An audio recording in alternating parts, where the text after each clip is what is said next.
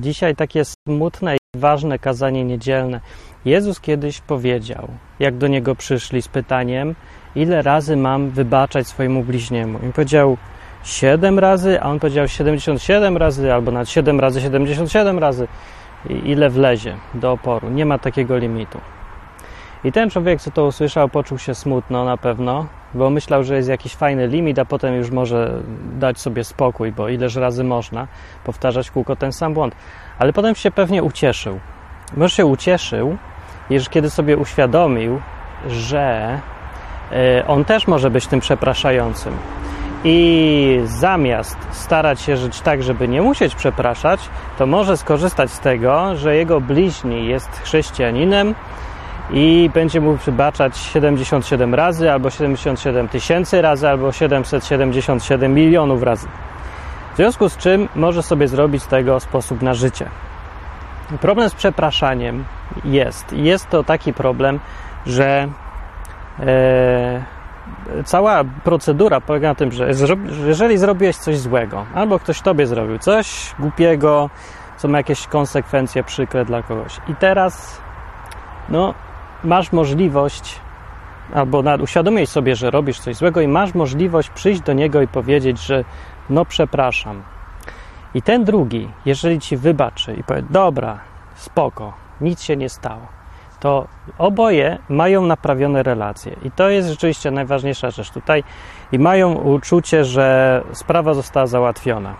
Bo została załatwiona, ale tylko w sferze ich relacji tego co, tego, co sobie myślimy, tego, co czujemy wobec drugiej osoby, wobec siebie samych. Rzeczywiście, to jest załatwione i rzeczywiście to jest najważniejsza rzecz, ale jest druga rzecz i ona jest tak samo ważna. No nie wiem, czy może i nawet nieważniejsza czasem jest. Może nie jest tak ważna, bo chyba najważniejsze rzeczywiście są, są ludzie, najważniejsi relacje między nimi, ale ta rzecz jest ważna i nie można jej ignorować, i zrobić sobie z tego przepraszania sposobu na życie. Dlatego, że przepraszam i wybaczam nie rozwiązuje właściwie takiej fundamentalnej sprawy, czyli nie zmienia przeszłości w ogóle. Czyli jeżeli odciąłeś komuś rękę przypadkiem żonglując nożami, bo byłeś głupi i chciałeś pokazać jak to fajnie, albo żonglowałeś granatem i on ci jeden ci wybuchł i straciłeś wzrok, to żadna ilość przepraszania i żadna szczerość w tym przepraszaniu, ani w wybaczaniu nie zmieni faktu, że nie masz ręki jesteś ślepy. I będziesz już zawsze bez ręki i ślepy. I to jest cały problem, że przepraszam nie zmienia przeszłości i nie cofa czasu. Właściwie nic się nie zmieniło. Możesz się przepraszać ile chcesz, nic to nie zmieni w rzeczywistości. Zmieni tylko w tym, że naprawi relacje, co jest też ważne, ale będziesz musiał z tym żyć. I problem jest taki, że e, ludzie, są ludzie, którzy bardzo nonszalancko do całej sprawy podchodzą. I robią sobie z tego sposób życia. No, że przykładowy taki e, klasyczny, stereotypowy mąż, który leje żonę co wieczór, a co, co drugi wieczór, a co drugi wieczór przynosi jej kwiaty i mówi, że przepraszam z zupełną szczerością na pysku. I żona 777 raz mu wybacza i mówi przepraszam. No, y, jest jakiś problem z tą całą sytuacją, bo właściwie powinno być wszystko w porządku. I ten mąż sobie tak myśli, że wszystko jest w porządku, a żona też być może sobie myśli, że wszystko jest w porządku. Przecież mnie przeprosił, przecież żałuje i przecież mu wybaczyłam. Nasze relacje są znów w porządku. Przynajmniej do jutra, kiedy znów przyjdzie i znów nie będzie lać. I sposób życia tego męża no, jest czymś godnym pozazdroszczenia, bo może sobie teraz robić ile mu się tego podoba złego.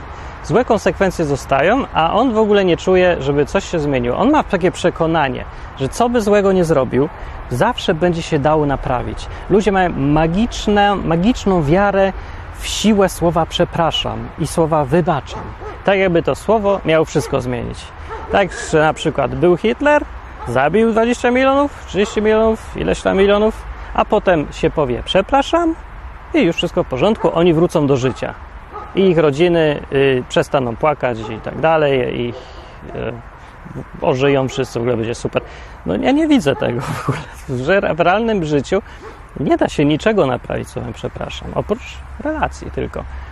Y, dlatego jak widzisz kogoś, kto żyje w tym przeświadczeniu, że może robić, co mu się tylko podoba, bo zawsze ma taki magiczny wytrych do wszystkiego, że takie smutne oczy i przepraszam powie, to trzyma się od niego z daleka. To jest człowiek, który będzie niszczyć wszystko dookoła siebie z premedytacją, beztrosko zupełnie.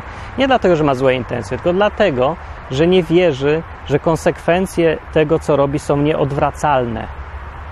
I to jest taki paradoks przepraszania i wybaczania, bo to jest skuteczne i rzeczywiście wydaje się naprawiać wszystko, na pewno pomiędzy ludźmi w relacjach, ale daje też jednocześnie złudzenie, że to, co złego narobiliśmy, jest odwracalne. Właśnie przez jakieś przepraszam, żałowanie i różne takie rzeczy. Może to spowiedź nas tak wychowała, instytucja spowiedzi, która właśnie tak wyda się kasować to, co się stało bez śladu. Może w ogóle samo chrześcijaństwo tak nas przyzwyczaiło, bo rzeczywiście Jezus przyjmuje każdego, kto do niego przyjdzie i winę mu zdejmuje z niego. Ale yy, dalej to, co się złego narobiło, jest nieodwracalne. No, czasem jest odwracalne, można to naprawić, ale w innych przypadkach jest nieodwracalne. I na pewno nie da się go od tego odwrócić przepraszaniem. W związku z tym, jedyny rozsądny, odpowiedzialny sposób na życie to nie jest żyć tak, żeby często przepraszać, żeby żałować tego, co się robi. Nie. To jest taki sobie sposób na życie, może nawet i ok, bo jeżeli po prostu ma człowiek robić złe i nie żałować, no to też w ogóle jest tragedia ale e, to dalej jest marny sposób na życie, bo będzie człowieka kusiło, żeby e, no po prostu nie przejmować się tym, co robi. No, zupełnie. A jakoś to będzie, a w razie czego przeproszę i mi wszyscy elegancko wybaczą. E, no tak właśnie kusi, żeby tak robić. I to będzie człowiek, który, z którym nikt być nie powinien i nikomu nie będzie szczęśliwie z takim człowiekiem. Ten człowiek nie zdaje sobie z konsekwencji z tego, co robi, nie chce ponosić konsekwencji tego, co robi, szuka zawsze ucieczki od konsekwencji tego, co robi. I robi źle, gorzej niż by mógł, gdyby się liczył konsekwencjami. A za to ma bardziej beztroskie życie. No, gorzej mają wszyscy dookoła niego, nie? No bo oni muszą ciągle słuchać przepraszam i płacić za te wszystkie konsekwencje. Jak komuś robi coś złego przez głupotę. No. Więc yy, nie bądź człowiekiem, który jest gotowy do przepraszania, bo to jest niezłe, ale lepsze o wiele jest być człowiekiem, który nie musi przepraszać.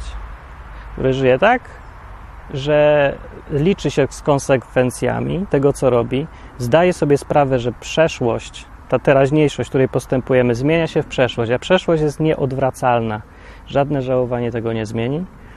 Yy, I z takim człowiekiem odpowiedzialnym dużo bardziej warto być. I więc żyj tak, żebyś był takim człowiekiem, z którym warto być, współpracować, cieszyć się razem, podejmować wyzwania, e, w ogóle co tam jeszcze można ciekawego w życiu robić. Z takim człowiekiem, który liczy się z konsekwencjami, robi wszystko, żeby nie musieć przepraszać. A nie z człowiekiem, który przeprasza chętnie i widzi w tym lekarstwo na wszystko.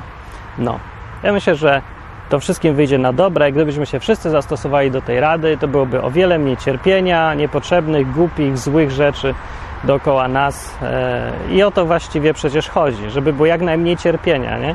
A nie żeby e, robić co się chce, a potem przepraszać i naprawiać w kółko relacje zepsute przez własną nieodpowiedzialność. No, to było wszystko na temat słowa przepraszam. Dziękuję, wychodzę, do następnego odcinka odwyku.